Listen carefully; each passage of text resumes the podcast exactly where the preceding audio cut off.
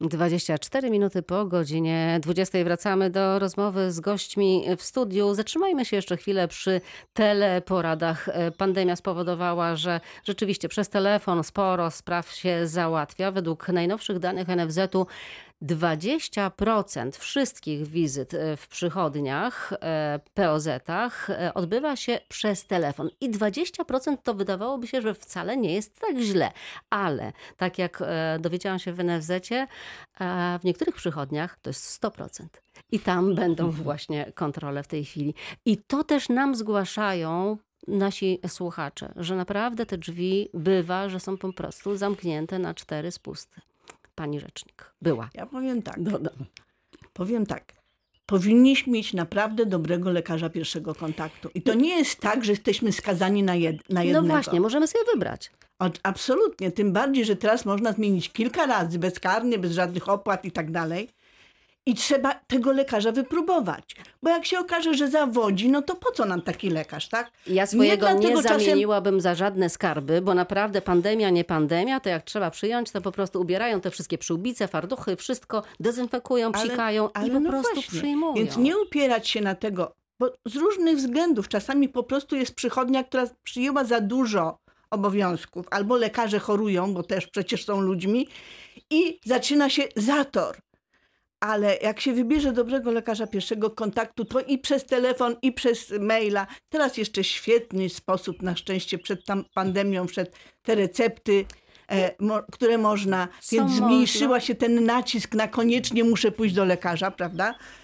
I no po prostu trzeba dokonać dobrego wyboru. E-wizyty, nie mam nic przeciwko temu i pewnie nikt z Państwa nie ma nic przeciwko temu, ale kiedy trzeba, to trzeba po prostu. No, e, panie prezesie, e, prezes Dolnośląskiej Izby Lekarskiej, to może jednak tam, gdzie nie działa, to może jednak trzeba pisać, trzeba dzwonić, trzeba zgłaszać takie uwagi. Nie skargi. Nie donosimy, tylko. Wyśmiewany przed laty system z książkami skargi wniosków naprawdę był dobry. Naprawdę był dobry. Ja na przykład w, no, w firmach, których przynajmniej zarządzałem albo zarządzam, od razu wprowadzam system y, monitorowania jakości, który właśnie między innymi opiera się na ankietach, które klienci wypełniają.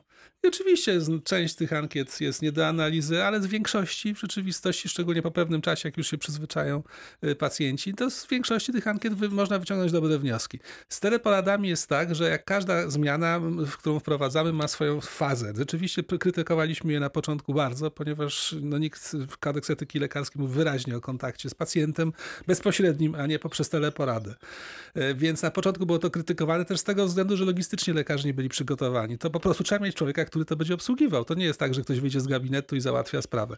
Pandemia spowodowała, że nagle na gwałt y, uzupełniono te luki, no i teraz przeżywamy okres, można powiedzieć, przesady z używaniem tych metod y, działania. Mam nadzieję, że zarówno czy przy, dzięki kontrolom NFZ-u, dzięki właśnie pacjentom, którzy sobie zweryfikują lekarzy, to znowu w pewnym czasie zajmie swoje miejsce. Ale mieliśmy tutaj taki przypadek w radiu, że napisał do nas słuchacz, który, którego córka to była historia z Lubina, którego córka nie mogła się przez kilka miesięcy dostać do lekarza właśnie pierwszego kontaktu, bo miała ciągłą temperaturę i tam nie chciano jej przyjąć, bo być może COVID. No ale ta temperatura jej nie przychodziła i nie przychodziła, a na ciągle nie mogła się tam dostać.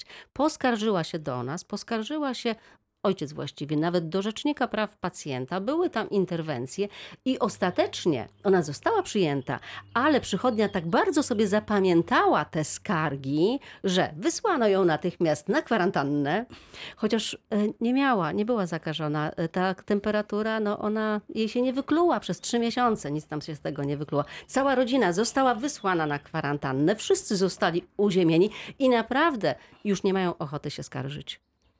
No tak to bywa. Znaczy, po prostu jesteśmy ludźmi. Nie lubimy, jak ktoś się na nas skarży. No, a też i w związku z tym nie lubimy skarżyć, no bo robimy to, że musimy kogoś oskarżyć, powiedzieć, że ktoś źle robi.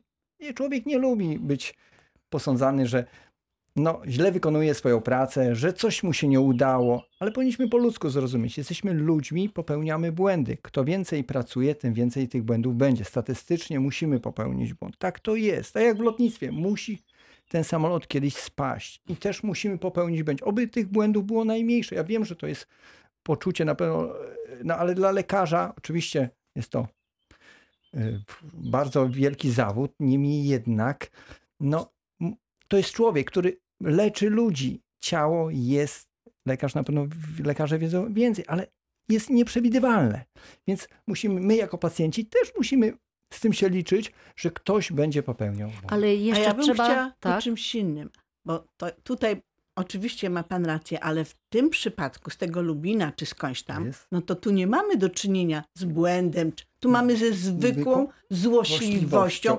I moim zdaniem, przepraszam panie doktorze, powinien ktoś się temu przyjrzeć, ale ja też rozumiem, ktoś musi to napisać, tak? Czyli albo napisać, albo zatelefonować, no żebyście wiedzieli o kogo chodzi, tak? Bo tego typu rzeczy, jeżeli jakieś- ktoś ma trzy miesiące sprawy- gorączkę, to trzeba go naprawdę zdiagnozować, bo COVID może być przyczyną miesięcznej dolegliwości, Jeśli, ale jeśli nie chodzi tak. o, o statystykę naszą sądową, to jakieś 15% spraw to jest właśnie nieetyczne zachowanie lekarza. I to się analizuje. To, tą sytuację na pewno trzeba przeanalizować, bo tak jakoś sobie nie wyobrażam. W kwarantanny to musiał dać sanepid, więc jeszcze inspekcja musiała być w to włączona.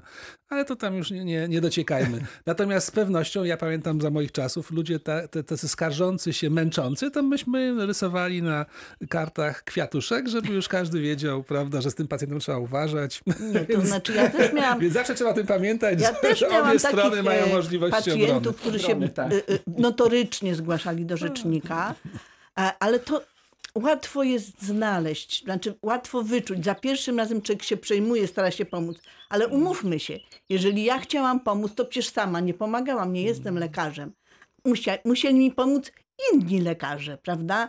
I w związku z tym e, y, jeżeli taka sytuacja zaistniała w stosunku do kogoś jednego, powtarzała się, no to ci inni lekarze, którzy mi pomagali, też zwracali uwagę. Przecież to nie jest takie aż wielkie No dobrze, ale środowisko. też e, bardzo często jest to taka, kobiety na przykład o ginekologach sobie opowiadają e, różne historie i na przykład jak jeden zachowa się nie tak jak trzeba, to naprawdę ta Roznosi się poczta szybko. roznosi się i ta poczta pantoflowa e, działa. Ale moim zdaniem te, nie powinno się tego pisać na Facebooku czy w mediach społecznościowych, tylko jeśli tam wydarzyło się coś nie tak, to to trzeba po prostu zgłosić. To normalnie, zwyczajnie trzeba zgłosić, bo to jest groźne teraz dla mnie, ale potem dla kogoś innego.